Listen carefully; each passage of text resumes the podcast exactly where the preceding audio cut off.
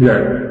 أتكون خردلة تساوي القول في أجزاء في شيء من الأذهان نعم. الجواهر ليست متفا... متماثلة أيضا. الجواهر التي تزعمون أنها الأجزاء ليست متشابهة. فليست الخردلة مثل الجبل العظيم. هذا في المخلوقات. وليست الذرة مثل الفيل. بينها تفاوت. إذا كان هذا في المخلوقات بعضها مع بعض كيف بالخالق سبحانه وتعالى؟ مع المخلوق؟ نعم. أتكون خردلة تساوي القول بالأجزاء في شيء من الأذهان. إذ كان كل منهما أجزاؤه لا تنتهي بالعدل والحسبان. وإذا وضعت الجوهرين وثالثا في الوسط وهو الحاجب الوسطاني فلأجله افترقا فلا يتلاقيا حتى يزول إذا فيلتقيان. لا نفسه إحداهما منه هو الموصوف للثاني بلا فرقان. هذا دخول معهم في المناقشة. وهذا يحتاج إلى مراجعة في الكتب المطولة. نعم هذا محال أو تقولوا غيره فهو انقسام واضح التبيان والخامس التركيب من ذات مع أوصاف هذا باصطلاح ثاني هذا هو اللي حملهم على وهو نفي الصفات. تركيب بين الذات والصفات. قالوا لو أثبتنا الصفات للزم التركيب لأن الصفات شيء والذات شيء آخر. فيلزم أن الله مركب من شيئين. والجواب عن هذا أن نقول لا يلزم ما تقول لأن الصفات ليست شيئا خارجا عن الذات. فالله بصفاته سبحانه هو الرب. الله بصفاته هو الرب سبحانه وهو الخالق وهو المدبر لهذا الكون. فلا يتصور افتراق الصفات عنه سبحانه وتعالى أن تكون شيئا آخر. إلا في الذهن فالذهن يتصور الذات شيء والصفة شيء آخر. أما في الخارج فلا يمكن. يمكن تقول مثلا محمد شيء وبصره شيء وعيونه شيء وسمعه شيء أشياء متعددة ما يمكن هذا. محمد بجميع صفاته سمعه وبصره وعقله ولسانه ورجليه ورجلاه ويداه. هو محمد. هو محمد. ما هو محمد شيء والصفات شيء آخر نعم. سموه تركيبا وذلك وضعهم. ما ذاك في عرف ولا قرآن. نعم. الصفات ليست شيئا زائدا عن الذات. إلا في الذهن فقط. يتصور الذهن أشياء لا تكون موجودة. في الخارج. ما في الخارج فالصفات تابعة للذات. والشيء بصفاته هو الشيء نفسه. نعم. لسنا نمر بلفظة موضوعة بالاصطلاح شيعة اليوناني. نحن لا نخضع لمصطلحاتكم. نحن نخضع للكتاب والسنة. والله وصف نفسه بصفاته سمى نفسه بأسماء فنحن نثبت ذلك. على ما يليق بجلاله سبحانه وتعالى. أما هذرمتكم واصطلاحاتكم فهذه تبقى عندكم.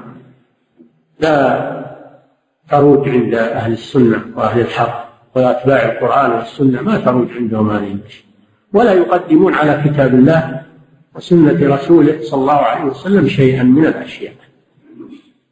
بل يرفضونه رفضا باتا ممن أتى به. نعم. لسنا نقر بلفظة موضوعة للاصطلاح لشيعة اليونان أو اليونان أمة قديمة ولا تزال بهذا الاسم إلى الآن. كان فيها الفلاسفة والأطباء والملاحدة ولا تزال بهذا الاسم إلى الآن عاصمتها أثينا. هذه منطلق الفلاسفة والأطباء والملاحدة و... نعم. أو من تلقى عنه من فرقة جهمية ليست بذي عرفان ثم هذه الترهات إما أنها عند اليونانيين أو من تلقاها من اليونانيين من فرق الضلال المنتسبة إلى الإسلام كالجهمية اتباع الجهم بن صفوان الترمذي الخبيث الذي يقول بخلق القرآن ويقول بالجبر والإرجاء. ويقول بنفي الأسماء والصفات مذهب باطل يجمع خبائث من الأقوال وهو دسيسة يهودية وتلقاه عن الجعد بن درهم والجعد بن درهم تلقاه عن عن اليهود عن عن طالوت عن لبيد بن الأعصم الذي سحر النبي اليهودي الذي سحر النبي صلى الله عليه وسلم. هذا مذهب الجهمية منحدر من اليهودية. نعم. من وصفه سبحانه بصفاته العليا ونترك مقتضى القرآن. يعني ناخذ مصطلحاتكم ونترك القرآن حاشا وكلا لا يكون هذا من المؤمنين. نعم. ونترك مقتضى القرآن والعقل والفطرة والعقل أيضا كلها قبل الفساد ومقتضى القرآن يعني نترك الكتاب والسنة ونترك الفطرة التي فطر الله الناس عليها ونأخذ بهذه المصطلحات المخالفة للكتاب, للكتاب والسنة والفطرة. هذا لا يجوز في من مؤمن. المؤمن يتلقى دينه ولا سيما العقيدة من كتاب الله ومن سنة رسوله صلى الله عليه وسلم. ولا يتلقاها من قواعد المتكلمين وقواعد المنطق. هذه هي اللي أفسدت عقائد المسلمين. صاغوها في كتب الآن سموها علم التوحيد. المشكلة أنهم يسمونها علم التوحيد. وأن أصحابها يسمون أنفسهم أهل السنة. وتدرس في العالم الإسلامي. وهي قواعد منطق وجدل ليس فيها شيء من الحق ولا فيها آية قرآنية ولا حديث نبوي إنما كلها من أولها إلى آخرها جدليات وتقراها ولا تتوصل في النهاية إلى شيء. ويدرسونها لأولاد المسلمين يحفظونهم إياه يسمونها جوهرة التوحيد ونظمها نظم الجوهر وإلى آخره. قواعد النسفية وغيرها من من من من عقائدهم اللي يدرسونها لأولاد المسلمين في المشرق والمغرب. نعم. سموهما شئتم فليس الشأن في الأسماء بالألقاب ذات الشان. مثل المواقف للأيجي مواقف للأيدي شروح كله منها من هذا القبيل. كله جعجعات والإرشاد للجويني إلى آخره. نعم. وتشكيكات الرازي والآمدي كلها من هذا الباب. نعم. سموهما شئتم فليس الشأن في الأسماء بالألقاب ذات الشان سموه تركيب سموه تشبيه سموه تجسيد سموه ما شئتم الألقاب والأسماء لا عبرة بها العبرة بالحقائق. سموا مذهبكم أنتم تحقيق. وسموه علم وسموه ما شئتم من المدح هذا ما ما يزينه أبدا. هذا ما يزينه الأسماء لا تغير الحقائق. فلو سميت السم عسلا ما صار عسلا. ولو سميت العسل سما ما صار سما. فلا يمكن الأسماء تغير الحقائق. شوهوا الحق ما شئتم؟ وامدحوا الباطل ما شئتم. فلن يغير من الأمر شيئا. الباطل باطل والحق حق. نعم. هل من دليل يقتضي إبطال التركيب من عقل ومن فرقان والله لو تشرح شيوخكم لما قدروا عليه لو أتى الثقلان هل هل على أقوالكم هذه دليل؟ يقنع المنصف الذي يريد الحق. والله لو خرج شيوخكم ومشايخكم الذين قعدوا لكم هذه القواعد وطولبوا بالدليل ما قدروا على إقامة دليل على هذه القواعد المنطقية. وإنما هو شيء توارثته جيلا عندي وأصممتم أسماعكم عن الحق. نعم. والثالث التركيب من ناحية ووجودها ما هنا شيئان هذا بعد أغرب. يقولون الشيء مركب من من شيئين الماهية والوجود أو الحقيقة والوجود طيب الشيء الموجود هذا هل هو شيئان؟ ذات وجود. من يتصور هذا؟ إنه مركب من ذات قائمة بنفسها ووجود. الوجود هذا وين؟ وشيء يرى وشيء يشاهد وشيء هذا تخيل تخيل منه. أليس الوجود شيء والحقيقة شيء؟ بل الموجود هو نفس هو نفسه وهو وحصوله أمام الرائي هو هو وجوده لا انفكاك بينهما. نعم. وسائل التركيب من ماهية ووجودها ما هنا شيئان. إلا إذا اختلف اعتبارهما فلا بالذهن والثاني ففي الأعيان. نعم. تصور الفرق بين الذات والوجود إنما هو في الذهن. أما في الخارج فلا هناك تصور أبدا وليس هناك وجود مستقل وذات مستقل هذا ما هو موجود في الخارج إنما هو شيء تخيل في الذهن. نعم فلا يبنى عليه عقيدة الخيال لا يبنى عليه عقيدة. نعم. إلا إذا اختلف اعتبارهما فلا في الذهن والثاني ففي الأعيان. يعني يمكن الذهن يفسر الوجود بشيء ويفسر الذات آه، الصفات بشيء. يمكن يفسر هذا وهذا في الذهن. ولكن في الخارج ما ما فيه اختلاف. ولا انقسام ولا تركيب. والكلام على الشيء الموجود في الخارج. أما الأذهان فيه تتصور ما شاءت من حق وباطل. نعم. يعقل الكون ذا غير لذا فعلى اعتبارهما هما غيران أما إذا اتحد اعتبارا كان نفس وجودها وذاتها لا ثاني هذا في الخارج الخارج هي الوجود والذات شيء واحد لا ينفك هذا عن هذا لا يتصور وجود بدون ذات ولا ذات بدون وجود نعم. من قال شيئا غير ذاك الذي قد قاله مضاف من الفعلان من قال شيئا غير ذاك الذي قد قاله مضاف من الفعلان من قال؟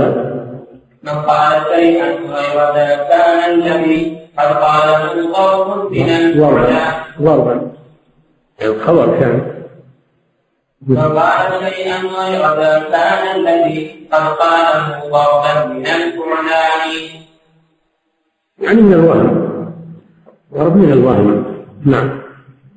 هذا وكم خط هنا قد جاء بالتفصيل وهو الأصل في العرفان. نعم لما فصل الناظم رحمه الله أنواع التركيب الستة وفندها تبين بطلانها. أما لو أخذت على علاتها بدون تفصيل ربما تروج على الغير ربما تروج على الغير وهم يقولون إن قصدنا التنزيه. يشبهون على الناس إن قصدهم تنزيه الله جل وعلا. نعم كل يحب أن ينزه الله عن النقائص لكن ما معنى التنزيه؟ ما معنى الكلام على المعنى. معنى التنزيه عندكم وش؟ يعني تعطيل الصفات هذا هو التنزيه. هذا ما نسميه تنزيه نسميه تعطيل أم أم إثبات الصفات وإثبات المشابهة عنها هذا حق. نعم. وابن الخطيب وحزبه من بعده لم يشتروا لمواقع الفرقان ومن أشدهم حيرة ابن الخطيب اللي هو الرازي فخر الدين الرازي. يسمى بابن خطيب الري أبوه كان خطيب الري وهو عالم متكلم جدلي ليس عنده شيء من السنة ولا من الأحاديث وإنما أثنى علمه في الجدلية وعلم الكلام. وله كتاب التفسير يقول الشيخ ليس كل شيء فيه إلا التفسير.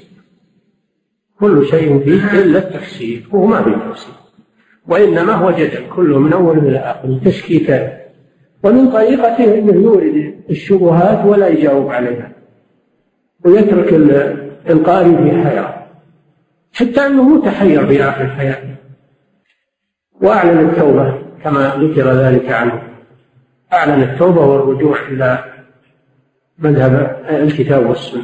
فلعل هذا إن شاء الله صح عنه وتاب إلى الله. المهم أنه أفنى حياته بهذه الجعاجع وملأ كتبه من ذلك. وتجدون هذا في كتابه التفسير تفسير اللي يسمونه التفسير الكبير. مفاتيح الغيب يسميه. الحديث هو مفاتيح الشكوك. نعم. والله توب علينا وعليه كان تاب. نعم. وابن الخطيب وحزبه من بعده. قد رد عليه شيخ الإسلام في كتابه نقد التأسيس. أول يمكن من عشرة مجلدات نقد التأسيس. أبطل فيه كل قواعد وكل ما ما موه به في هذا الكتاب. فهو من عيون كتب شيخ الإسلام ابن تيمية رحمه الله. نعم. وابن الخطيب وحزبه من بعده لم يهتدوا لمواضع الفرقان بل خططوا نقلا وبحثا أوجبا شكا لكل ملذة الحيران هل ذات رب العالمين وجوده أم غيره فهما إليه شيئان فيكون ترتيبا محالا ذا فإن قلنا به فيصير ذا إمكان. وإذا أتينا ذاك صار وجوده كالمطلق الموجود في الأذهان. وحكوا أقاطيلا ثلاثا زين كالقولين إطلاقا بلا فرقان. والثالث التفريق بين الواجب الأعلى وبين وجود الإمكان. كل فرق نعم. وقضوا عليها كلها بالنقل والإبطال والتشكيك بالإنسان. نعم. حتى أتى من أرض آخر. جاء, جاء آخرهم الآمدي صاحب الوصول الآمدي سيف الدين يسمى بسيف الدين. الآمدي نسبة إلى آمد كان حنبليا وحفظ بعض كتب مذهب الإمام أحمد ثم إنه ذهب إلى مذهب الشافعي تحول إلى شافعي وتخصصه في في الأصول أصول الفقه وهو أيضا متبحر في علم المنطق وعلم الكلام. موقفه في هذه المسألة هل هل وجود الله هو ذاته أو غير ذاته؟ موقفه الحيرة يقول ما أتوقف هل هل هل الوجود هو الذات أو الذات غير الوجود؟ يعني توقف في ربه سبحانه وتعالى. نسأل الله العافية. هذه هذا ما ينتهي إليه الجدل وعلم المنطق والفلسفة وإلى آخره. تنتهي إلى الحياة. وهم شهدوا على أنفسهم بذلك. نعم. حتى أتى من أرض آمد آخرا ثور كبير بل حقير الشان ثور كبير لأنه لأنه تمادى في نصرة هذه الأباطيل وأفنى عمره فيها. الثور هو اللي ما يدري. الثور من الحيوان هو اللي ما ما يدري. إلا الأكل والشرب ويسخر على ما يريده الإنسان. يزرع عليه ويحرث عليه ويحمل عليه. هو مثل هالرجل هذا. حي في أمره ما يدري وين وين نعم. رغم ما له من التخصصات في الوصول وغيره لكن الذي ما يتبع الكتاب والسنة هذه نهايته. وإن كان متبحرا في العلم والذكاء. هذا ما ينفعه. نعم. نعم هو عرفنا رأي رأي الأمر عرفنا التوقف في هذه المسألة يعني محتار في حق ربه سبحانه وتعالى نعم قول الشيخ فلا يعارض مع نص من صحة الحديث الذي تمثل له الشمس يصلي العصر هذا خليه مع الدرس إن شاء الله. خليه مع الدرس الدرس اللي نعم. هذه أنا ما ودي أن تفتحون باب الشكوك على أمور الغيب. الأحاديث التي جاءت تخبر عن القبر وعما في يوم القيامة ما بكم تفتحون عليها الشكوك. تؤمنون بها وخلاص. يسلمون الأمر لله سبحانه وتعالى. ونحن ما عندنا استعداد أن نجاوب على هذه التشكيكات. نعم. صلى الله عليه وسلم فضيلة الشيخ هل ترحم على أهل الزمخشري والرازي وأمثالهم من أئمة الكلام والخبراء؟ على كل حال نقول تلك أمة قد خلت لها ما كسبت ولكم ما كسبتم. ففي أشخاصهم ما علينا منهم لكن كتبهم شبهاتهم لابد من بيان ما فيها من الخلط لئلا يغتر بها من يجهل أمرها. أما الأشخاص أفضوا إلى ربهم. هذا الكلام نعم. صلى الله إليكم. فضيلة الشيخ أن تبين الحديث الذين قالوا بالتعقيد. دخل التعطيل ما هو بالتعطيل دخل مذهب علم الكلام. أنا قلت علم الكلام ما قلت التعطيل علم الكلام وشبهات المتكلمين دخل على بعض المشتغلين بالحديث. هذا شيء معروف. راجع كتب شيخ الإسلام ابن تيمية خصوصا المجموع تعرفون. نعم. نعم. الله تعالى أعلم. وصلى الله وسلم على نبينا محمد وعلى آله وصحبه أجمعين. بسم الله الرحمن الرحيم. الحمد لله رب العالمين وصلى الله وسلم على عبده ورسوله نبينا محمد وعلى آله وأصحابه أجمعين. قال الناظم رحمه الله تعالى في أقسام هذه التراكيب الستة بسم الله الرحمن الرحيم. الحمد لله والصلاة والسلام على رسول الله تقدم أن الشيخ رحمه الله ذكر أن من شبه نفاة الصفات أنهم يقولون إن إثباتها يقتضي التركيب. تركيب بين الصفة والموصوف. وبين أن أنواع التركيب ستة. ليس منها واحد ينطبق على إثبات الصفات. هي تراكيب اصطلاحية من عندهم. صلحوا عليها تركيب المزج وتركيب الجوار. وتركيب الجسم المركب من الجواهر الفردة تركيب الذات والصفات تركيب الذات والوجود. كل هذه اصطلاحات من عندهم. لا يجوز أن تستعمل في في ما أثبته الله لنفسه واثبته له رسله. نعم الأول حقيقة التركيب لا باللفظ والأذهان يعني يقول أن التركيب ما يخرج عن الاثنين. إما تركيب مزج كتركب الجسم من أعضائه وإما تركيب جوار تركيب الباب والجدار. هذا الجوار الباب شيء والجدار الذي فيه الباب شيء آخر. متجاوران. هذا هو التركيب في اللغة.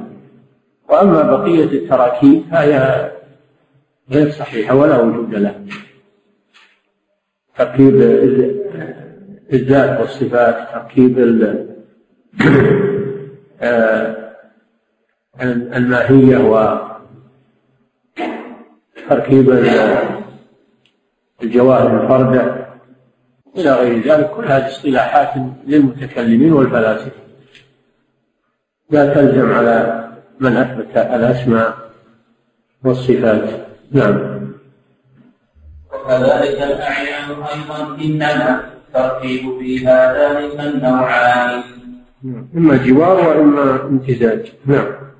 الأوسطان هما اللذان تنازعا فلا في تركيب الاثنان نعم.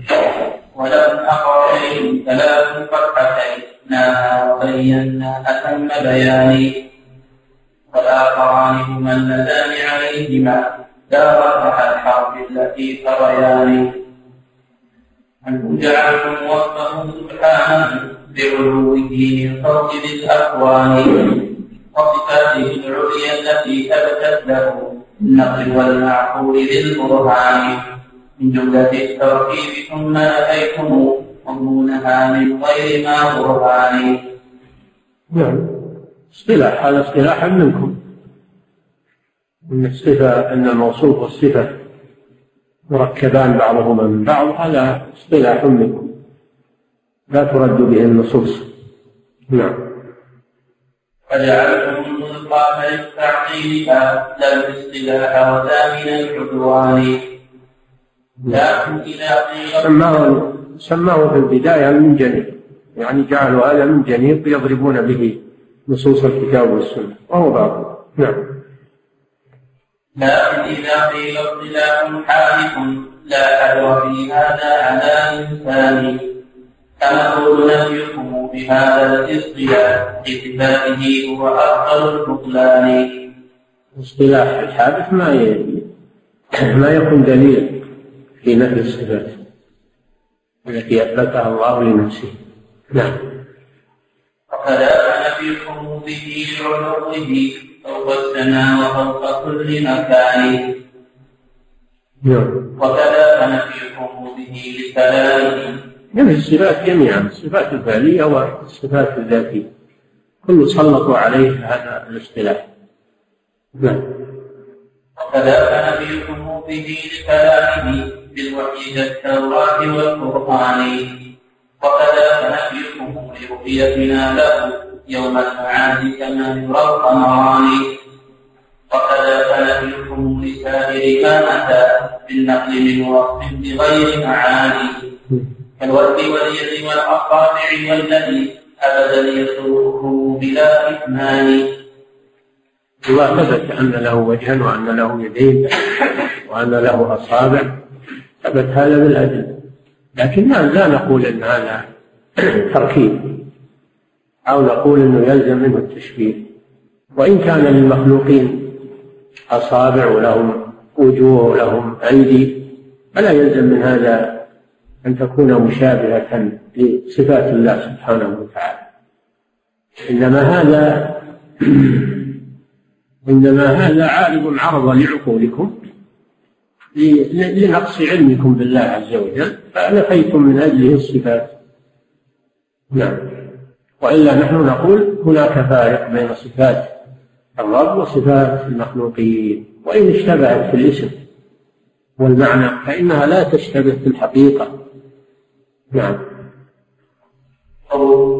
وبودكم لو لم يقله ربنا ورسوله المبعوث بالبرهان نعم ما أثقل عليهم من هذه النصوص لأنه تخالف عقيدتهم.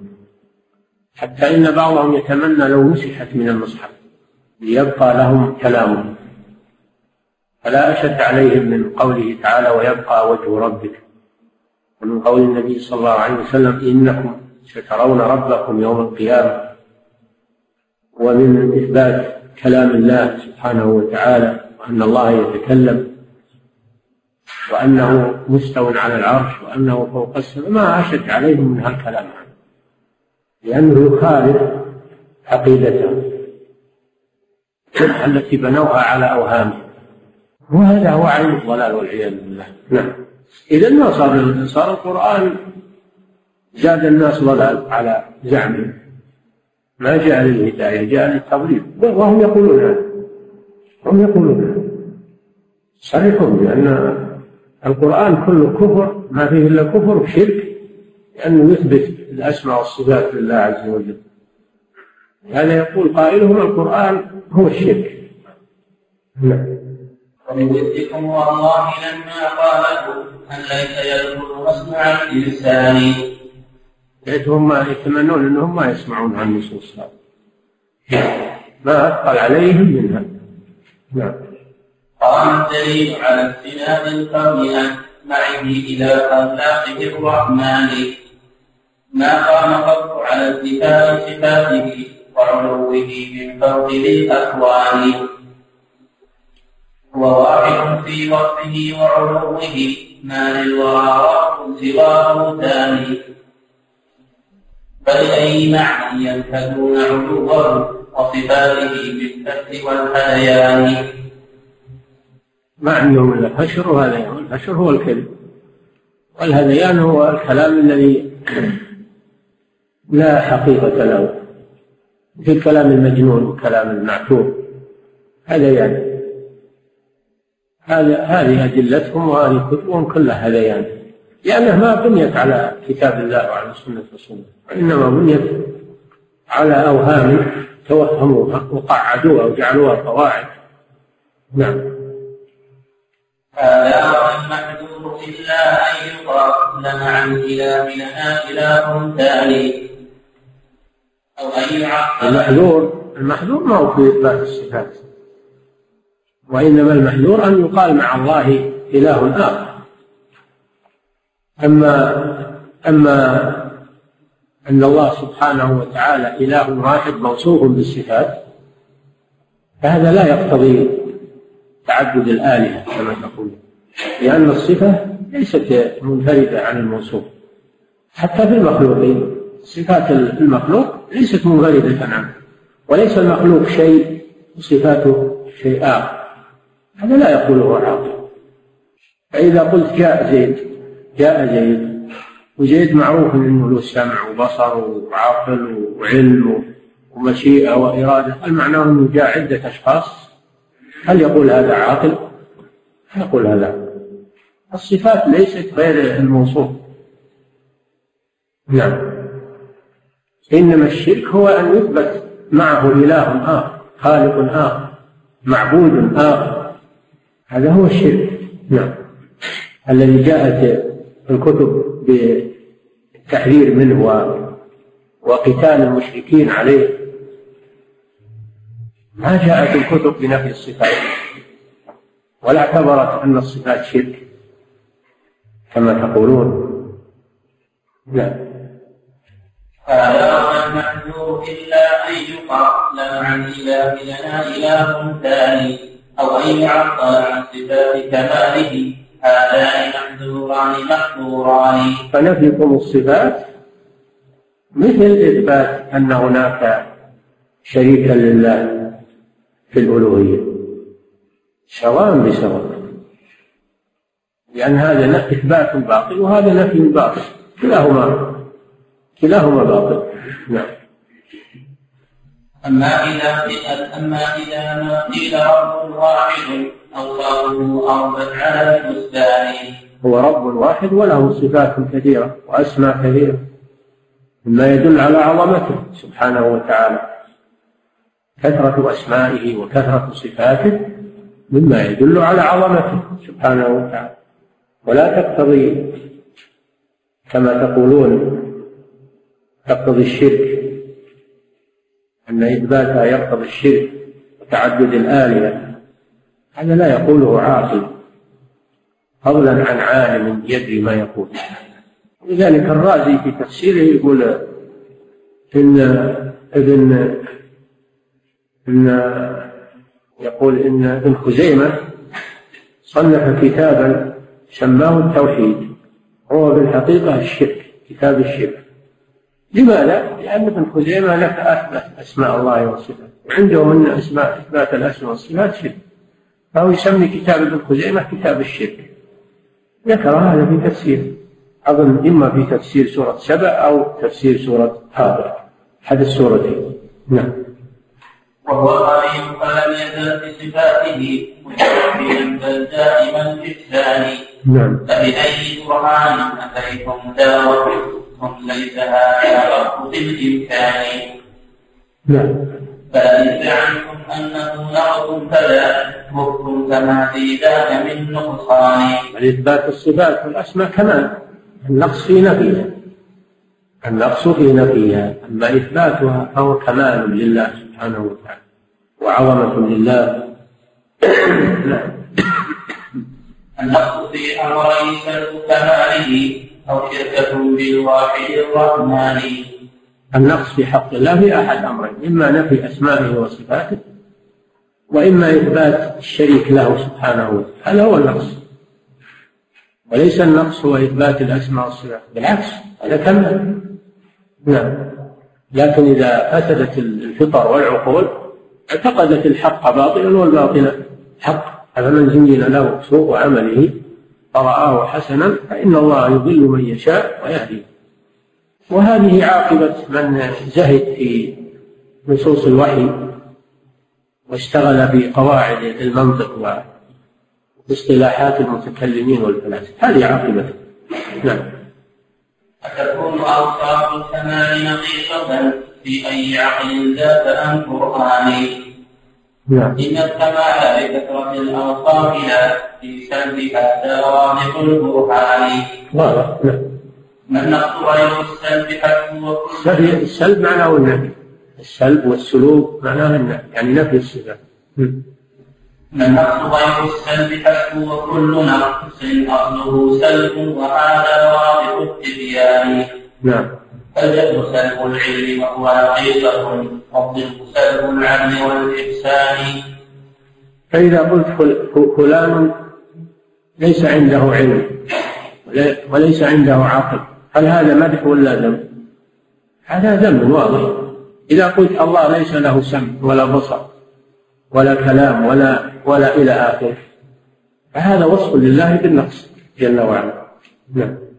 وتنقص الرحمن سائر وصفه حقا تعالى الله عن نقصان هذا هو المتنقص للرحمن الذي يسلبه حقه سبحانه. إما بأن يسلبه ما له من الأسماء والصفات وإما أن يسلبه ما له من العبودية لله وحده. نعم. وكان الثناء عليه ذكر صفاته والحمد والتمجيد كل أوان الثناء على الله هو بذكر صفاته. ولهذا كان النبي صلى الله عليه وسلم يثني على ربه بصفاته وأفعاله. وكل الرسل يثنون على الله بإثبات أسمائه وصفاته حينما يدعونه سبحانه وتعالى يتوسلون إليه بأسمائه وصفاته. إني مسني الضر وأنت أرحم الراحمين. توسل إليه برحمته سبحانه وتعالى. نعم. لا إله إلا أنت سبحانك إني كنت من الظالمين. توسل إليه بوحدانيته سبحانه وتعالى وألوهيته. نعم. ولذا كان عن خلقه أدراه بصفاته من جاء في القرآن وأعظم يعني أفضل الأنبياء محمد صلى الله عليه وسلم. وقد جاء في القرآن الذي فيه إثبات الأسماء والصفات وكان يدعو ربه بأسمائه وصفاته يوسل إليه بأسمائه وصفاته اللهم إني أستخيرك بعلمك وأستقدرك بقدرتك. إلى آخر الحديث. نعم. صفات ليس اللهم إنك عفو تحب العفو فاعف عني. يا مقلب القلوب ثبت قلبي على كل هذه أدعية نبوية. أثنى على الله بإثبات أسمائه وصفاته ودعاه بها والله جل وعلا يقول ولله الأسماء الحسنى فادعوه بها. ولله الأسماء الحسنى هذا إثبات.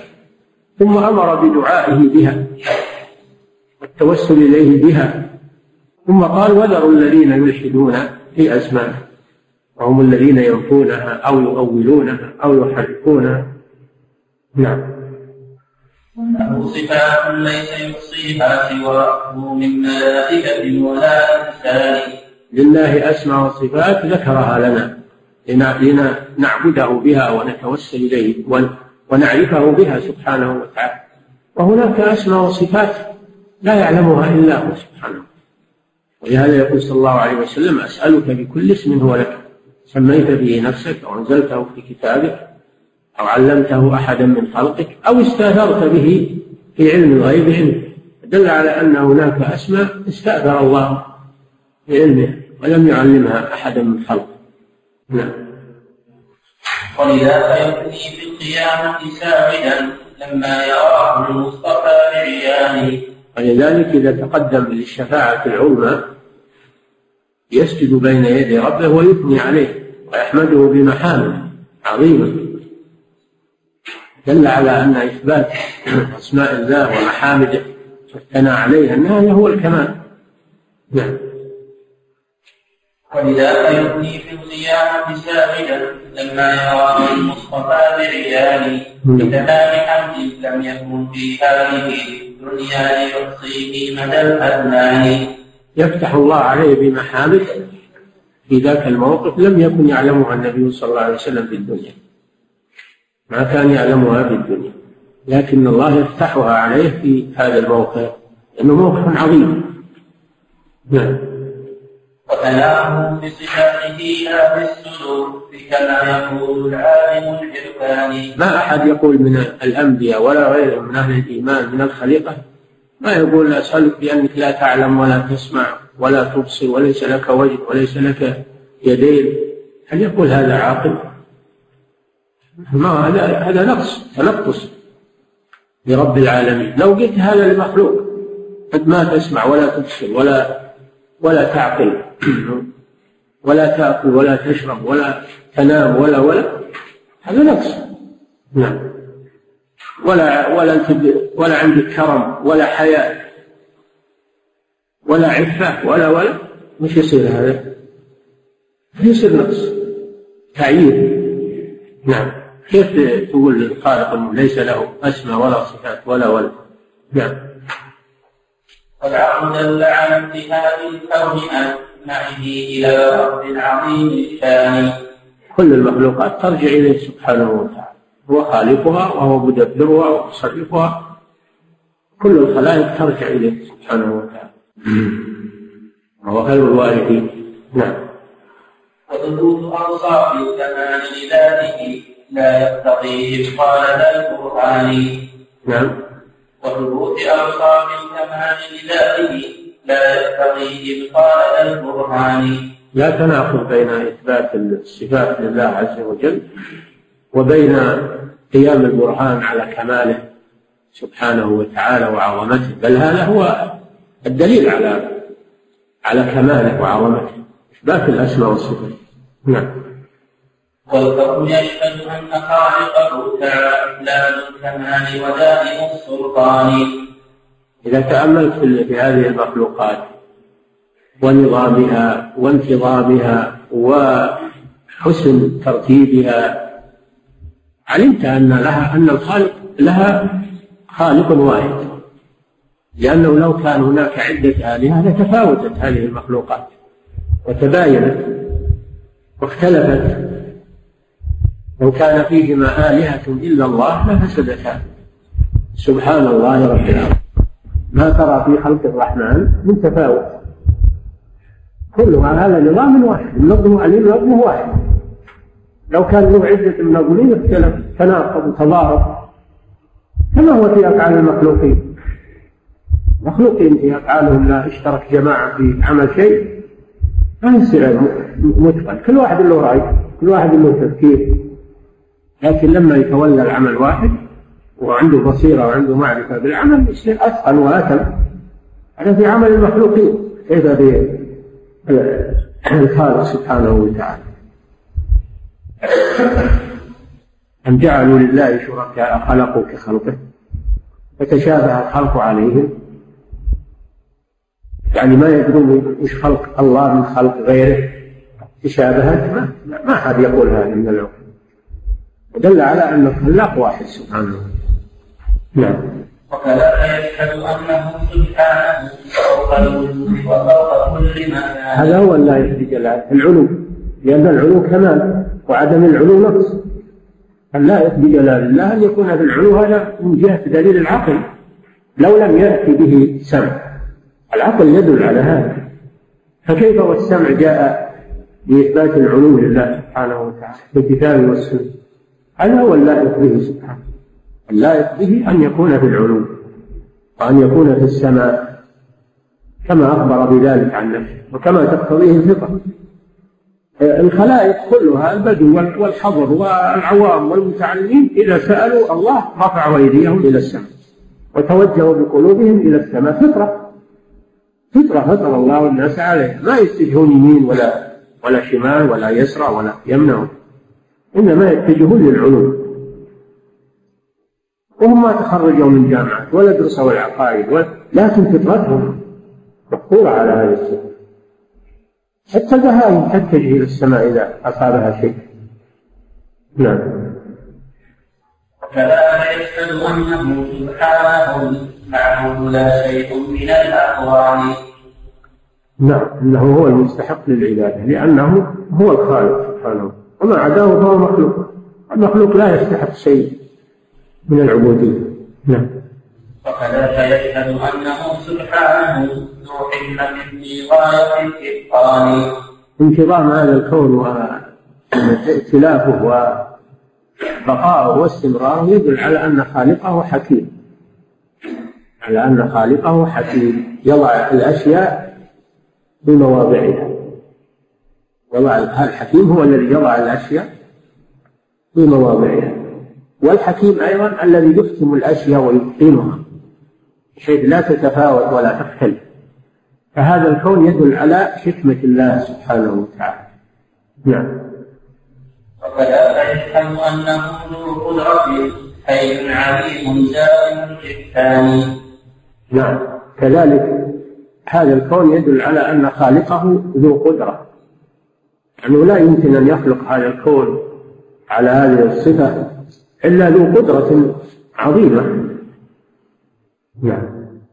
وكذلك يشهد أنه الفعال حقا كل يوم ربنا في شان. يسأله من في السماوات والأرض كل يوم هو في شان. سبحانه أفعاله متواصلة. يفعل ما شاء متى شاء سبحانه وتعالى. تتجدد أفعاله سبحانه وتعالى. كل يوم هو في شأن نعم. وكذلك يشهد أنه المختار في أفعاله حقا بلا نكران. نعم. أنه سبحانه يفعل بقدرته واختياره وإرادته ما أحد يجبره على شيء كما هو في شأن المخلوقين بعضهم مع بعض. نعم. وكذلك يشهد أنه الحي الذي ما للممات عليه من سلطان. توكل على الحي الذي لا يموت. لأنه لا لو كان يموت لا فسد هذا الكون. ودل على استمرار حياته ودوام حياته سبحانه وتعالى. ليدبر هذا الكون وينظمه ويتولاه.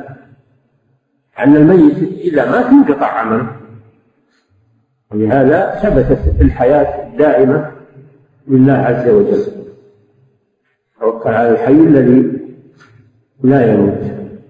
بل إنه سبحانه وتعالى لا ينام ولا ينبغي له أن ينام لأن النوم نوع من الموت. لا تأخذه سنة ولا نوم. يعني كماله سبحانه وتعالى لأن النوم نقص في الإنسان. نعم.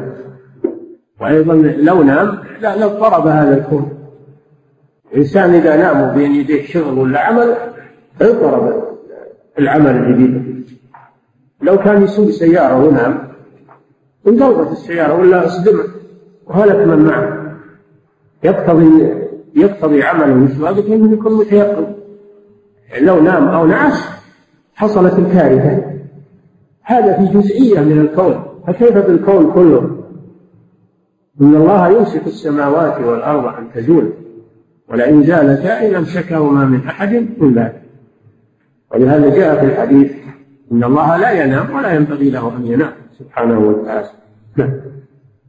وكذا يشهد انه القيوم قام بنفسه ومجيب للأكوان. القيوم الحي القيوم. قيوم صيغة مبالغة من القيام. فهو قائم بنفسه لا يحتاج إلى أحد. وهو المقيم لغيره. كل أحد محتاج إليه سبحانه وتعالى. يطعم ولا يطعم. سبحانه وتعالى. فهو القيوم معناه القائم بنفسه فلا يحتاج إلى غيره. المقيم لغيره. فكل شيء محتاج إليه. سبحانه وتعالى. نعم. وكذا يشهد أنه ذو رحمة وإرادة ومحبة وحنان. وهنا يدل على هذا.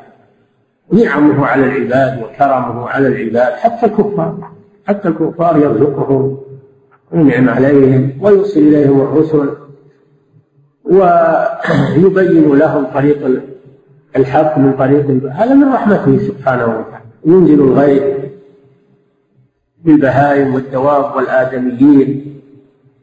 كل ما بالخلق فهو من رحمته سبحانه وتعالى. يدل على أنه رحيم.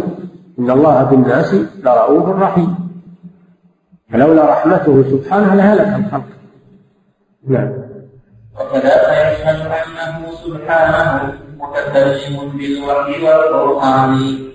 نعم يشهد هذا الكون بأن الله متكلم. لأن الذي لا يتكلم كيف يخلق؟ وكيف يأمر؟ وكيف ينهى؟ الذي لا يتكلم كيف يأمر؟ وينهى وكيف يدبر؟ وهو لا يتكلم.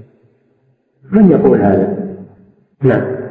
إنما أمره إذا أراد شيئا أن يقول له كن فيكون. يكلم بالوحي سبحانه يكلم من شاء من عباده وملائكته ويأمرهم وينهاهم ويسمعون كلامه السماوات تسمع كلامه ترتعد من من خوفه سبحانه وتعالى. الملائكة تصعق من كلامه سبحانه وتعالى كما في الحديث. نعم. وكذا يشهد أنه سبحانه أنا أبارك هذه الأبدان. كذلك يشهد هذا الكون على أنه أنه القادر على إعادة هذه الأبدان بعد الموت لأن الذي خلقها أول مرة قادر على إعادتها من باب أولى. الذي بدأها من عدم وخلقها من عدم قادر على أن يعيدها مرة ثانية. نعم. لا تجعله شاهدا للزور والتعديل تلك شهادة البطلان. لا تجعلوا هذا الكون شاهدا بنفي الصفات عن الله والأفعال كما تقولون. هذه شهادة زور لا تليق بمخلوقات الله سبحانه وتعالى. الكون كله يشهد شهادة حق لا شهادة زور نعم. وإذا تأملت الوجود رأيته ولهذا يقول جل وعلا شهد الله أنه لا إله إلا هو والملائكة وأولو العلم قائما بالقسط. لا إله إلا هو العزيز الحكيم.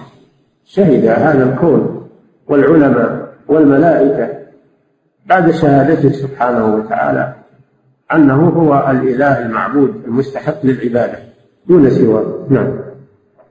وإذا تأملت الوجود رأيته إن لم تكن في زمرة العميان. إذا تأملت هذا الكون وجدت هذه الدلالات التي ذكرناها لك إن لم تكن من زمرة العميان يعني من جملة هؤلاء الطوائف المنحرفة فإنك لا تدرك هذا الشيء. لفساد فطرتك وانتكاس عقلك كما حصل لهم.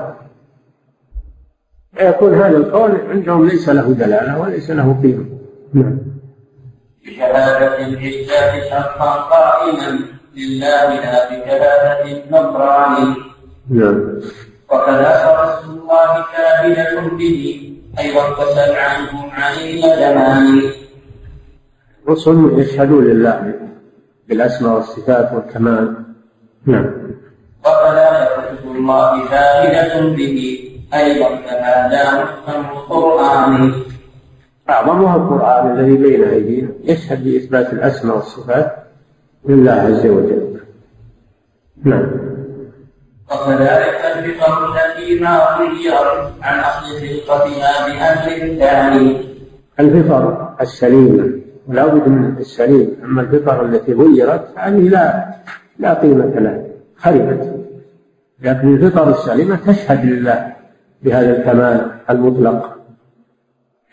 التي لم تتغير عن خلقتها التي خلقها الله عليها. فأقم وجهك للدين حنيفا فطرة الله التي فطر الناس عليها. لا تبديل لخلق الله. الله يخلق على الفطرة السليمة. ما يخلق فطرة غير سليمة؟ أبدا. لكن الفطرة السليمة يعتريها ما يغيرها كما قال صلى الله عليه وسلم. كل مولود يولد على الفطر فأبواه يهودانه أو ينصرانه أو يمجسه الانحراف في الفطرة إنما هو من التربية من تربية الوالدين وتربية المعلمين هو الذي يغير الفطرة أما لو بقيت سليمة صارت قابلة للحق معترفة به. نعم. وكذا المستنيرات التي فيها نعم الله خلق العقول لتدل عليه سبحانه وتعالى وعلى كماله.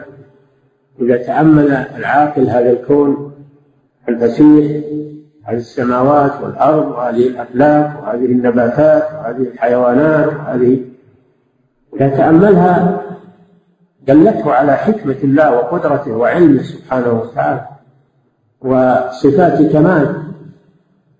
العقل أيضا إذا سلم هو دليل دليل قوي. ومن جملة الأدلة الكتاب والسنة والفطرة والعقل. نعم. أترون أن تارك دار به بشهادة الجهمي واليوناني. أترون أن نترك هذه الشواهد العظيمة في الكون والكتب وما جاءت به الرسل نترك هذه الدلائل. من أجل منطق اليونان وقواعد المنطق وعلم الكلام الذي جلبتموه منهم. واليونان هم أصل الكفر وأصل الإلحاد. نعم. هذه الشهود فإن طلبتم شاهدا من غيرها سيقوم بعد زمان إذ ينجلي هذا هذه الشواهد الموجودة الآن على هذه الحياة. وهناك شاهد سينجلي ويتضح ولا أحد يرتاب فيه ولا أحد يشك فيه وذلك يوم القيامة. إذا عاينتم الحقيقة إذا عاينتم الحقيقة ورأيتم ما وعد الله ورسوله حينئذ زالت الغشاوة. لكن فات الأوان فات الأوان فات وقت الإيمان وفات وقت العمل. ولا كل واحد الملاحدة والكفار وكل واحد إذا مات انكشفت له الحقيقة. وعرف ما هو عليه من الخطأ. لكن ما ما ما يستفيد ما يمديه ما يمديه يتراجع. وقد كنت في غفلة من هذا فكشفنا عنك غطاءك. بصرك اليوم هذا خطاب لابن آدم. بصرك اليوم حديد لا تشوف لكن ما تستطيع تعمل شيء نعم. فعند الموت يتكشف للإنسان ما كان يجهله في هذه الدنيا أو كان ينكره في هذه الدنيا. يكشف له الحقيقة. نعم. هذه الشهود هذه الشهود فإن طلبتم شافئا من غيرها سيقوم بعد زمان عند الموت. عند الموت وعند الباب. تضح لكم الحقيقة. ولو ترى إذ وقفوا على النار فقالوا يا ليتنا نرد ولا نكذب بآيات ربنا. ونكون من المؤمنين. تمنوا أنهم شاهدوا الحقيقة هل ينظرون يعني ينتظرون إلا تأويله يعني حقيقة الموعود بها. يوم يأتي تأويله يقول الذين نسوه من قبل لقد جاءت رسلنا بالحق فهل لنا من شفعاء فيشفعوا لنا أو نرد فنعمل غير الذي كنا نعمل. قد خسروا أنفسهم وضل عنهم ما كانوا في ذاك الموقف ما أحد يستطيع الرجوع ولا أحد يستطيع يغير عمله الذي عمله في هذه الدنيا. نعم. يجري هذا الغبار فيظهر الحق المبين مشاهدا بعيانه أي نعم لكن هذا تصير عالم شهادة. ولا ميزة فيه لأحد عالم الشهادة كل يقر به لكن الميزة في الإيمان بالغيب. هذه هي الميزة إنك تؤمن بشيء لم تشاهده الآن لكن بناء على خبر الصادق. أخبار الله جل وعلا وأخبار رسله. الميزه إنما هي الإيمان بالغيب. ولهذا في أول سورة البقرة هدى للمتقين الذين يؤمنون بالغيب ويقيمون الصلاة ومما رزقناهم.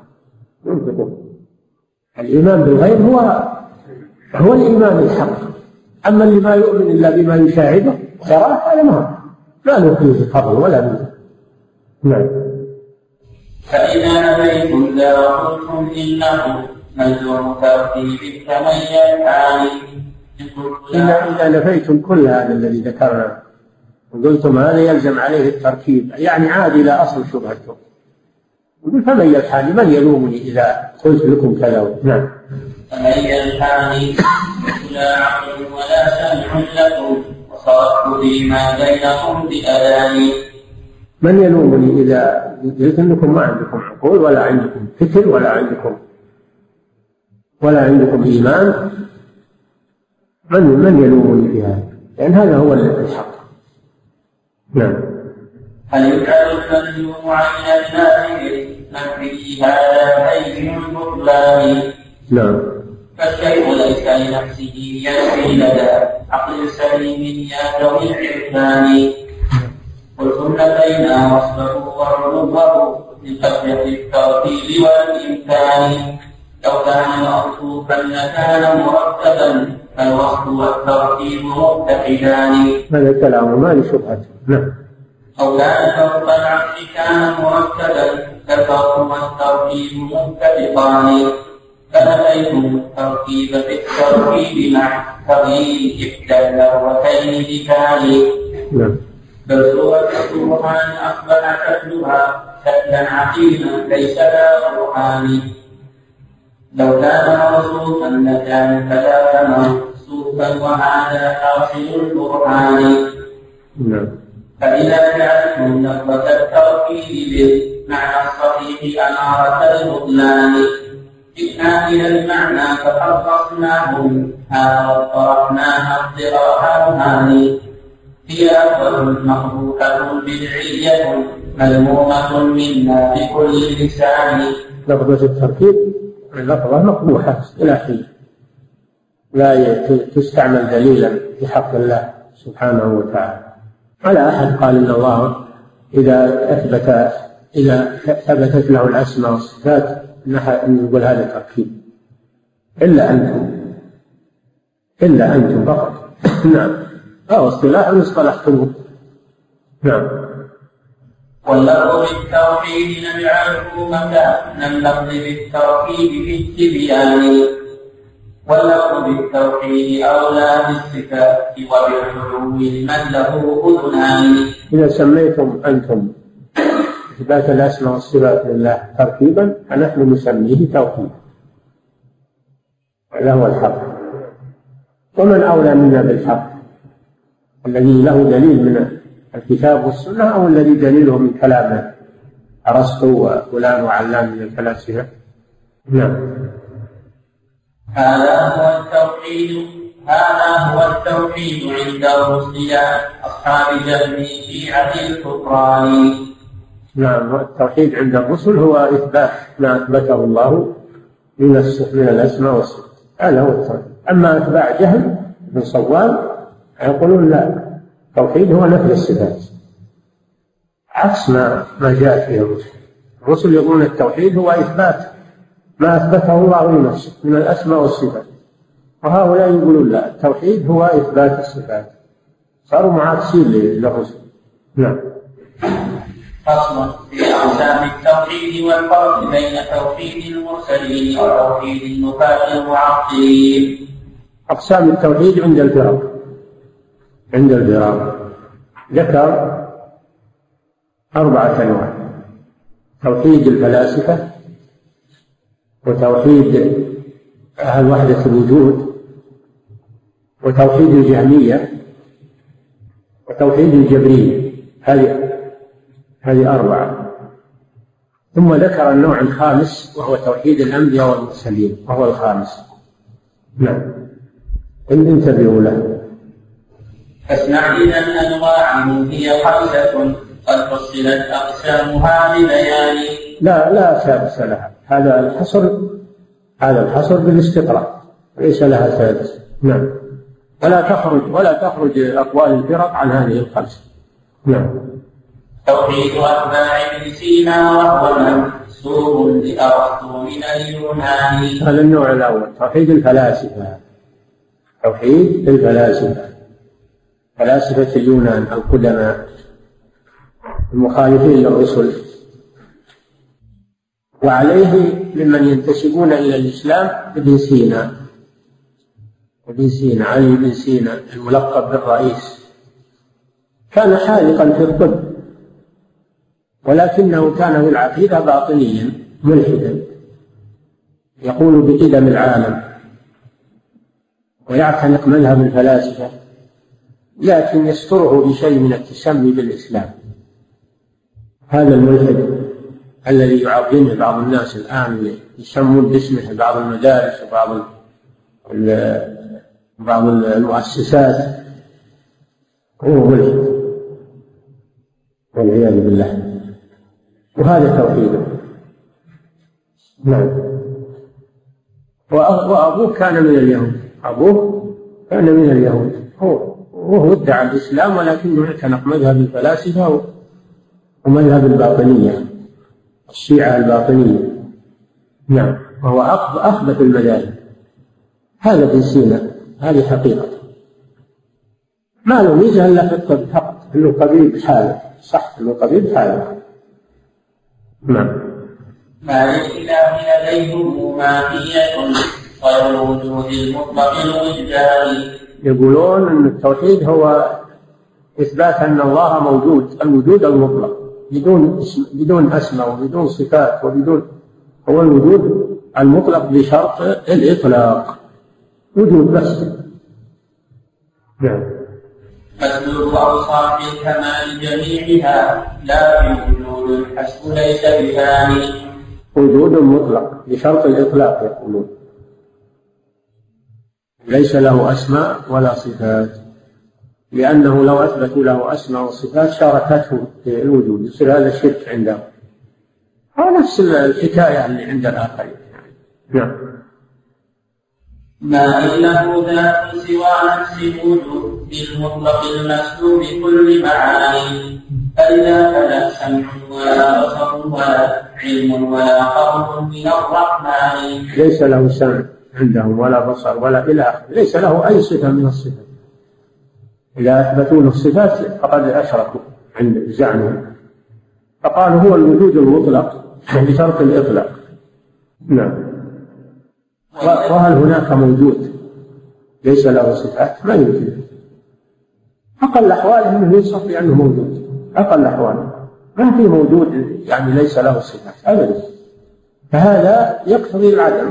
يقتضي العدم. يعني ما في موجود ليس له صفات. على الأقل يوصف بأنه موجود. نعم. ولذا قالوا ليس كان مشيئة وإرادة لوجود الأكوان يعني يعني إنه وجدت هذا من من قول الفلاسفه إن هذه الاكوان ليست لها خالق وإنما وجدت هي بنفسها. كما يقول الطبائعيون ويقولون بقدم العالم. ما هو محدث هذا العالم ما هو قديم. ليس له بداية. تعالى الله عما يقول. هذا قول الفلاسفه يقولون بقدم العالم. هم يقولون بقدم العالم. ابن سينا أضاف إضافة بسيطة تمويه على الناس قال إن كان إن كان قدم العالم. فهو وجوب ولكنه ممكن ممكن إنه قديم. وهذه ما تغني شيء. نعم. ولذا قالوا ليس ثم مشيئة وإرادة لوجود ذي الأكوان بل تلك لازمة له بالذات لا فادعى القصد في الأزمان نعم. فهو لا يفعلها بمشيئته وقدرته وإرادته وإنما هي لازمة له. نعم. ما اختار شيئا قط يفعله ولا هذا له أبدا بذي إمكان وبنوا على هذا استحالة خاطبا في يوم قيامة الأبدان. نعم. وكذا قالوا ليس يعلم قط شيئا ما من الوجود وكذا قالوا ليس يعلم قط شيئا ما من الوجود في الأعيان.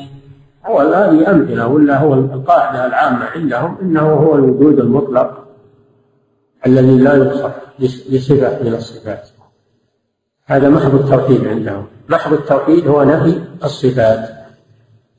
والشرك عندهم هو إثبات الصفات. نعم. لا يعلم الأفلاك كم أعدادها لا الوجوه وذلك القمران إلى آخره. من النوع الثاني. النوع الثاني من أنواع التوحيد لأهل الإلحاد. نعم. النوع الثاني توحيد آه، غلاة الصوفية.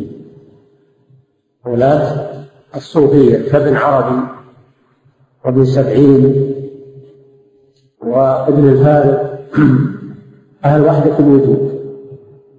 يقولون إن التوحيد هو أن أن يعتقد أن هذا الكون كله هو الله. ليس فيه انقسام ولا تعدد فمن أثبت أن هناك خالق ومخلوق هذا مشرك. ومن قال إنه هذا الكون كله هو الله فهذا هو الموحد عنده. ولذلك سموا أهل وحدة الوجود. وهم أكثر أهل الأرض. أكثر أهل الأرض هذه الطائفة والعياذ بالله. لأنهم جعلوا كل الكلاب والقطط وكل شيء هو الله. جعلوا النساء التي تنكح هي الله. وجعلوا كل ما يؤكل ويشرب هو الله. تعالى الله عما يقول هل بعد هذا الكفر كفر؟ هذا كفر هذا كفر شنيع. يقولون فرعون ما كفر إلا لأنه قال أنا ربكم الأعلى. ولا لو اعتقد ان الكون كله هو الله صار صار موحد. لكن لما قال أنا ربكم الأعلى صار هذا شرك كفر. نعم. هذا هذا توحيد أهل الوحده في الوجود. وهي أقبح فرقة. وهم غلاة الصوفيه التصوف تطور إلى أن وصل إلى هذا الحد من الكفر والإلحاد. وامامهم ابن عربي الطائي الحاكم الطائي المشهور اللي يسمونه محيي الدين ابن عربي قبره الآن بالشام يعبد من دون الله. يطاف به ويزار نعم. ألا وهذه فتوحيد لسبعين وشيعته الثاني. من سبعين هذا وثانيها فتوحيد المسبعين وشيعته أولي البركان من سبعين وابن وابن ابن عربي. ما هو ابن العربي ابن العربي؟ هذا موحد مالكي. من أهل السنة. ابن العربي بالألف واللام. هذا من أهل الحق. وله مؤلفات جليلة. لكن ابن عربي بدون ألف ولام هذا هو الملحد. نعم. هذا وثانيها كتوحيد بسبعين وشيعته أولي البهتان والاتحاد لحديث عنده معبوده وحقوقه الحقان نعم يقولون كل شيء هو الله حتى النساء التي توطأ وتنكح هي الله. حتى الكلاب وحتى القطط وحتى الخنازير كل هذا الكون هو الله عندهم. فمن فمن أثبت أن الكون يتكون من خالق ومخلوق فهو مشرك عندهم. الشرك عندهم هو إثبات تعدد المخلوقات. نعم. أو الاعتقاد إن هناك خالق ومخلوق. هذا الشرك عندهم والتوحيد هو اعتقاد أن هذا الكون كله هو الله. لا انقسام فيه ولا تعدد. هذا أكثر مذهب على وجه الأرض. نعم. توحيدهم أن الإله هو الوجود المطلق المثبوت في الأعيان. هذا قول الفلاسفة. نعم. توحيدهم نعم. أن الإله هو الوجود المطلق المثبوت في الأعيان عينها لا غيرها ما هؤلاء رب وعبد كيف يختلفان ولهذا يقول الرب عبد والعبد رب. ليت شعري أن لا يكلف يعني يستنكر الشريعة ويستنكر. أن هناك معبود وعبد. نعم.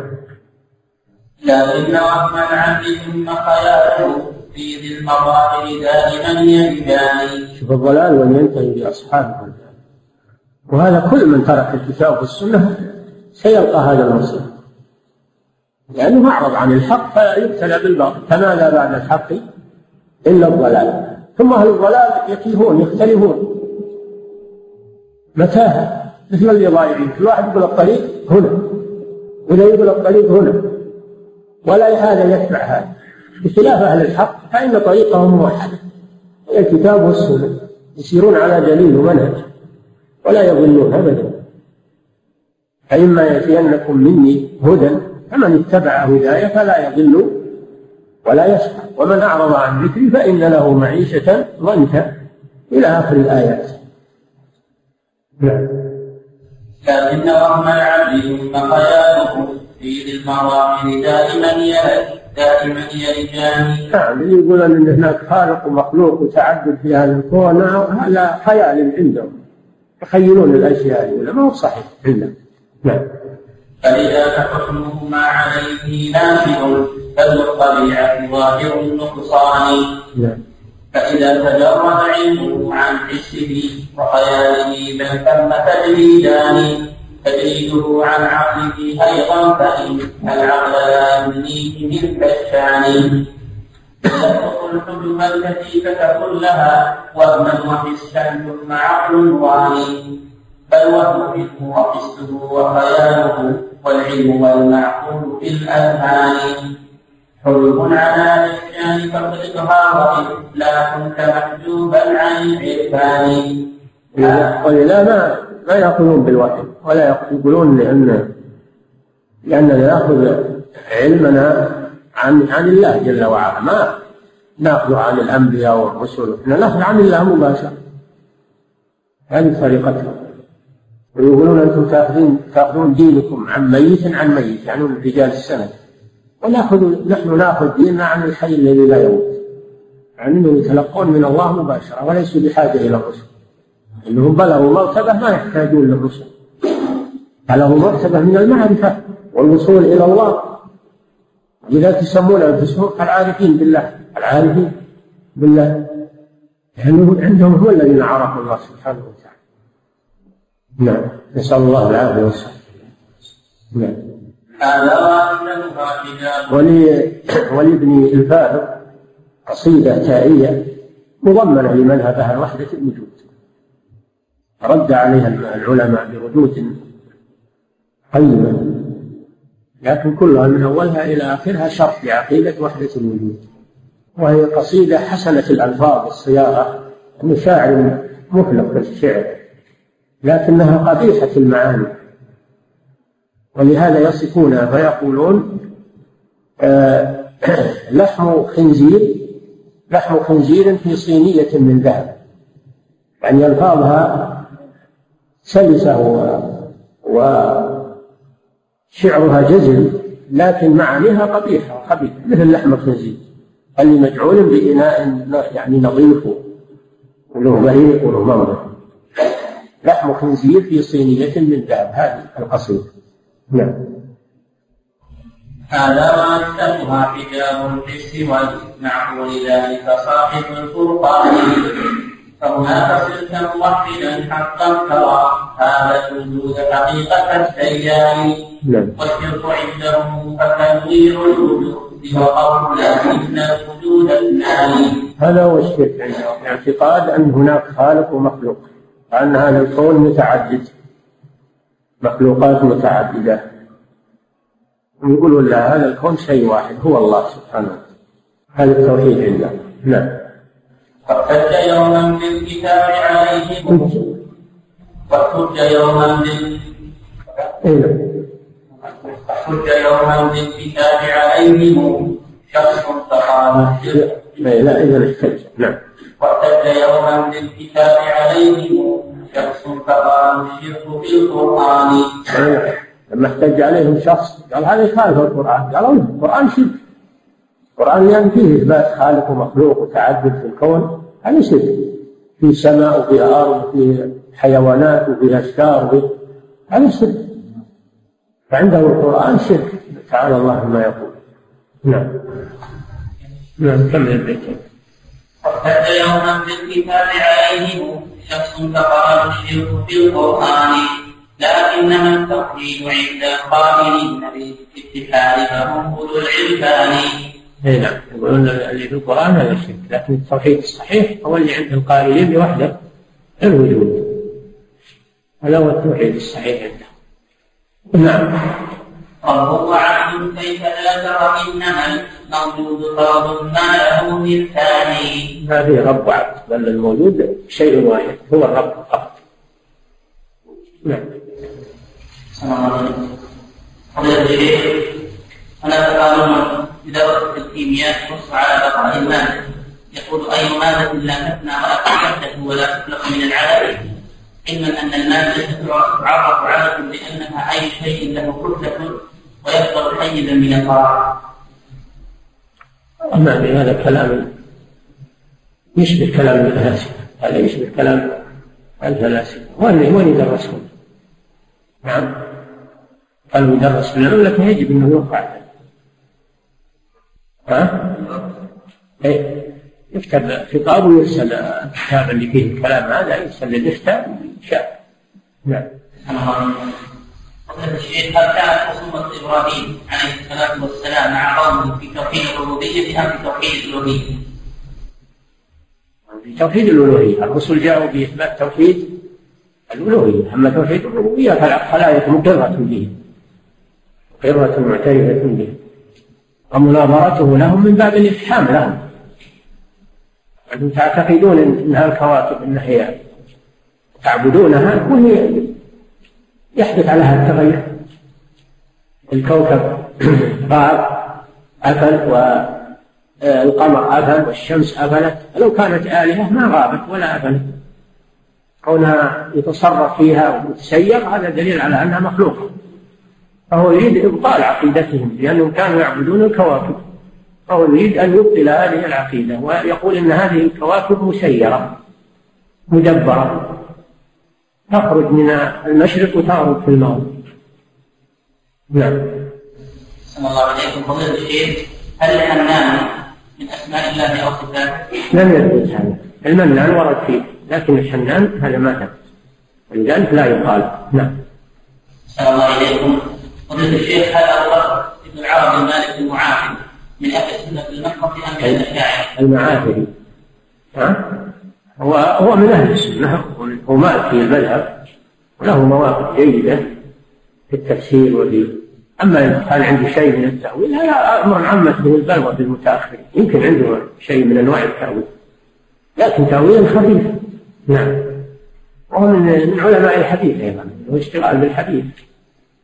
وتتلمذ على على الغزالي وانتقد الغزالي مع أن الشيخ انتقد في أهله الفلسفة وعلم التصوف ما يدل على أن عنده تحقيق عنده معنى. فهو إمام مشهور لكن قد يكون عنده شيء من التأويل. نعم. الله عليه ما معنى قول في الشرط الثاني من هذا البيت؟